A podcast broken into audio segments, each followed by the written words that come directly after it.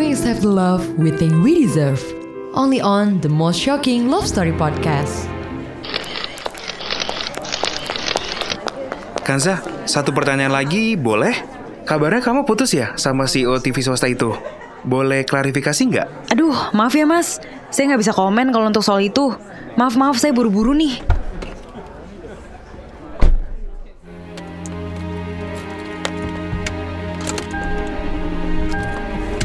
Gue bukan artis. Dan mas-mas yang tadi itu bukan jurnalis. Gue influencer dan selebgram dengan 300 ribu followers organik.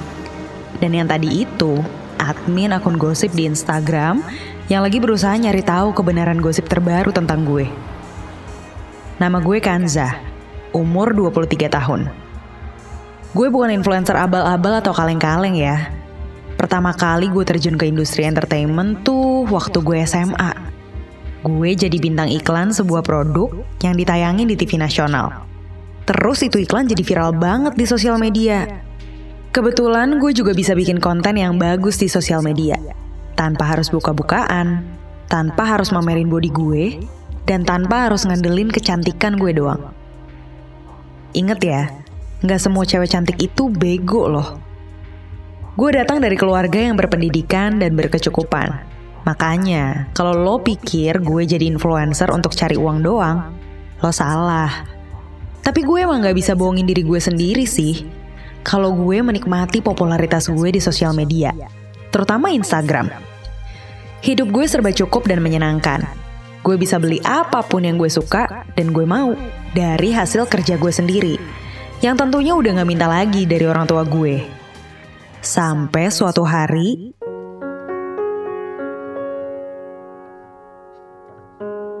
gue lolos casting sebagai salah satu pemain utama di sebuah web series di YouTube.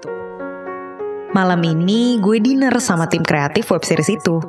Dan untuk pertama kalinya, gue dikenalin sama investor dari proyek ini. Dia CEO salah satu TV swasta di Indonesia. Dan dia juga punya banyak bisnis keluarga yang lain. Umurnya kayaknya udah 20 tahun di atas gue deh. Orangnya tenang, kalem, berwibawa, dan ganteng. Semua yang dia pakai malam ini kelihatannya mahal sih. Mulai dari kemejanya, jam tangan, sampai sepatunya. Tapi dia keren. Gayanya nggak norak. Dan dia tahu nih cara ngebawa diri.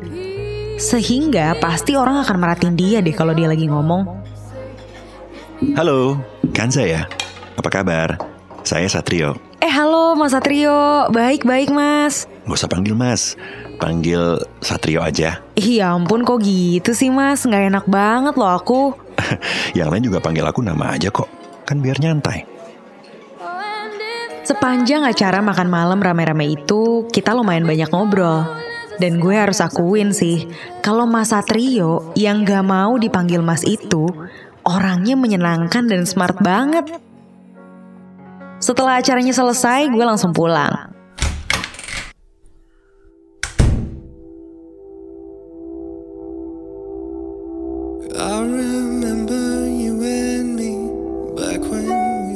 Siapa nih yang WhatsApp gue? Gak kenal lagi nomornya. Hai Kanza, thank you for the lovely dinner. Ini Satrio. Aduh, dia dapat aja lagi nomor gue. Uh, halo Masat, makasih juga ya tadi nyempetin mampir.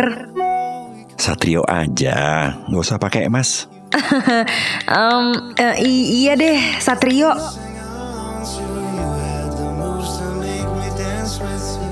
Malam itu kita ngobrol banyak banget di WhatsApp. Satrio tuh menarik banget. Dia bisa ngobrolin tentang banyak hal, dan gue gak ngerasa bosen ngobrol sama dia. Gak kerasa kita chatting sampai 4 jam. Dan sejak malam itu, Satrio mulai masuk ke dalam hari-hari gue.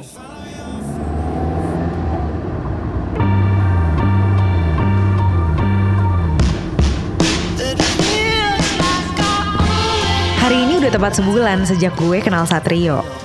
Selama sebulan itu, kita sering banget chatting dan telepon-teleponan. Sebatas ngobrol aja sih, gak ada yang menjurus-jurus gitu. Meskipun obrolan gue sama Satrio bisa dibilang intens banget.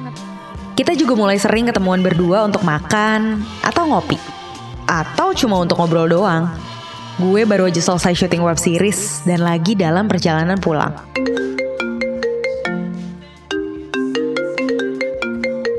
Halo, Sat? Kanza, di mana? Baru selesai syuting nih, lagi di jalan, lagi mau pulang. Aku nanti jemput kamu ya, di rumah. Hah? Emangnya kamu tahu rumah aku? Apa sih yang aku nggak tahu tentang kamu? Serius nih, kamu mau ngajak aku ke mana? It's a surprise. Lihat aja nanti. Satu jam kemudian, Satrio beneran jemput gue di rumah. Dia datang dengan mobil mewah dan supirnya yang ngebel pagar rumah gue.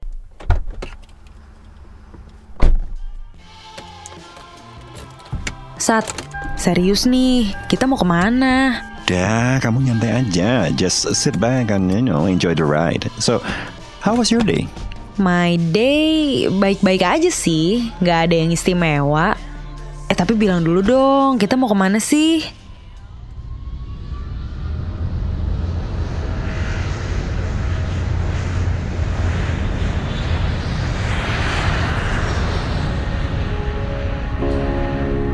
Ternyata Satrio ngebawa gue ke bandara.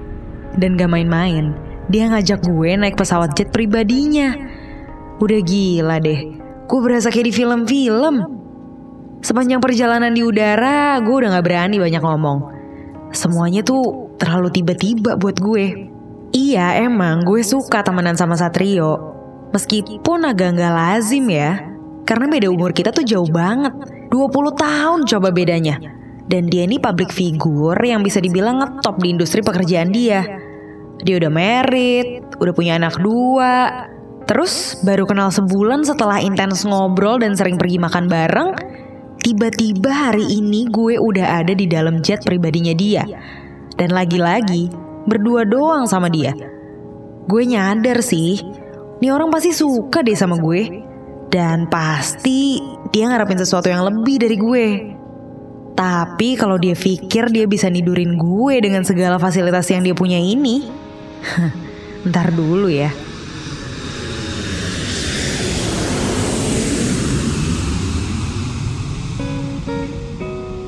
Kita mendarat di Bali. Sekarang udah jam 8 malam. Terus kita lanjut dinner di salah satu restoran mahal di sebuah hotel bintang 5 di Nusa Dua. Kok kamu diam aja sih? Kamu nggak suka makanannya? Suka kok, Come on, I know you. What's wrong? Aku tuh cuma bingung aja. Kenapa kamu tahu-tahu bawa aku ke Bali? Terus, ini semua tuh tujuannya buat apa? Ya buat nyenengin kamu. I don't do this to every woman that I know, you know. Terus, istri kamu gimana? Anak kamu? They're fine. Mereka baik-baik aja di rumah. Tapi kehidupan aku di rumah nggak harus selalu sama kan dengan kehidupan aku di luar rumah. Ya nggak? Hmm, maksudnya? Come on, Kansa. Kita udah sama-sama dewasa. We surely know the consequences, right? I really like you a lot. And that was since the first moment that I saw you. Tapi, tapi kamu kan udah married, udah punya anak. My marriage life will always be my life. Nggak ada yang bisa ngubah itu. But you, I want you to be my happiness.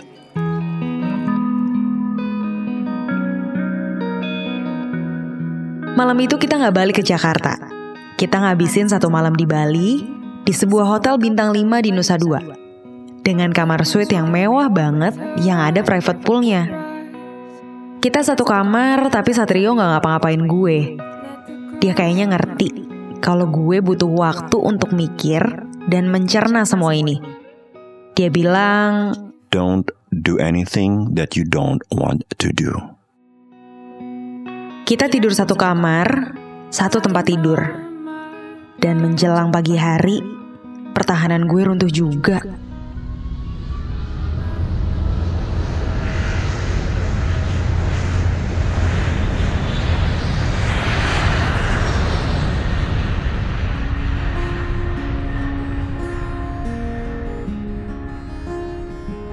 Enam bulan gue jadi pacar rahasianya Satrio.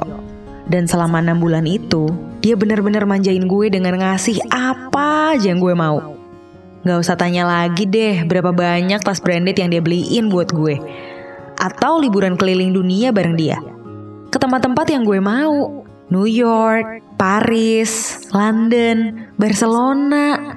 Ya sebenarnya gue bisa sih biayain diri gue sendiri untuk traveling keliling dunia tanpa gue harus pacaran sama orang kaya.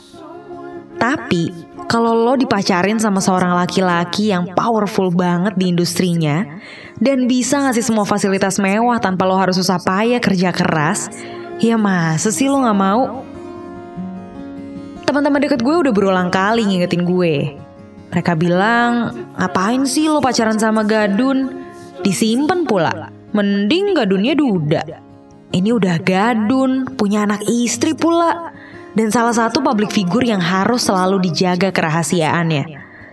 Sampai suatu hari, salah satu foto gue yang lagi liburan di Paris sama Satrio masuk akun gosip di Instagram. Sejak saat itu nama gue mulai sering dikait-kaitin sama Satrio. Meskipun setelah itu dia berhasil bikin akun gosip itu tutup mulut dan ngapus unggahan foto liburan kita. Tapi netizen udah terlanjur tahu tentang skandal gue yang jadi simpenannya Satrio salah satu pebisnis dan pengusaha besar di Indonesia yang mukanya sering banget nongol di media karena pekerjaannya. Suatu malam, dia ngajakin gue dinner.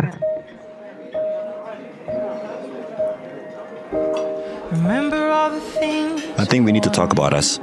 Kamu mau ngomongin apa sih? Kayaknya udah terlalu banyak yang tahu ya soal hubungan kita. Iya, iya. Tapi aku nggak bisa ngehindarin itu kan. Aku juga nggak tahu kenapa foto kita bisa ada di akun gosip. Selama ini kamu kan tahu, aku selalu ngejaga privasi kita. Dan aku nggak pernah ngupload foto atau story yang ada kamunya. Well, tapi orang-orang akan selalu berasumsi setiap kali kamu posting story tas branded kamu yang baru-baru atau pas kamu lagi liburan di mana, ya memang aku nggak pernah kelihatan di Instagram kamu. Tapi orang kan juga nggak bego.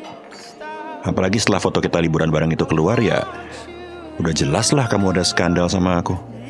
And to be honest, I'm not comfortable with that. Ya udah, terus kamu maunya aku gimana? I just want us to be friends, you know, like friends friends. Ah, aku nggak bisa nerusin hubungan ini. Hubungan kita yang kayak gini tuh terlalu beresiko untuk hidup aku, Kanza. Kok kamu gak bisa ngomong kayak sekarang sih 6 bulan lalu? 6 bulan lalu kamu bilang kamu mau aku untuk jadi kebahagiaan kamu. Dan sekarang, setelah kamu ngedapetin aku, omongan itu gak keluar lagi.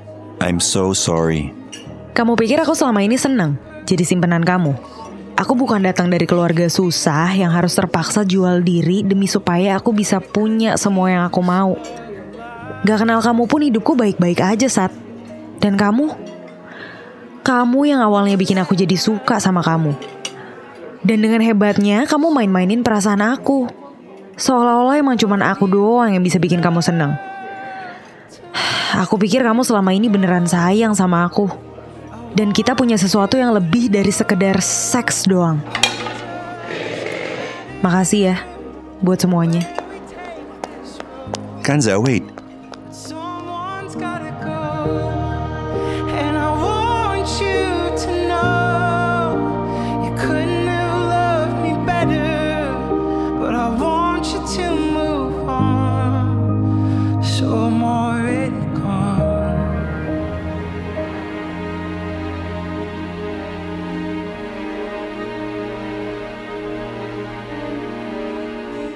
Udah sebulan gue putus sama Satrio. Dia gak berusaha ngubungin gue lagi. Gue pun gak berusaha cari tahu lagi tentang dia. Buat gue, semuanya udah selesai. Gue cuma akan ngelupain kesalahan terbesar gue dengan membiarkan dia masuk ke dalam hidup gue tujuh bulan yang lalu. Satu hal yang gue sadarin ya, kita gak bisa ngambil sesuatu yang udah jadi milik orang lain tanpa kita jalanin konsekuensinya. Gue bersyukur di tengah jalan gue dijauhin dari dia. Sebelum hubungan gue dan dia ngerusak hubungan dia dan anak istrinya. Dan hari ini, gue move on.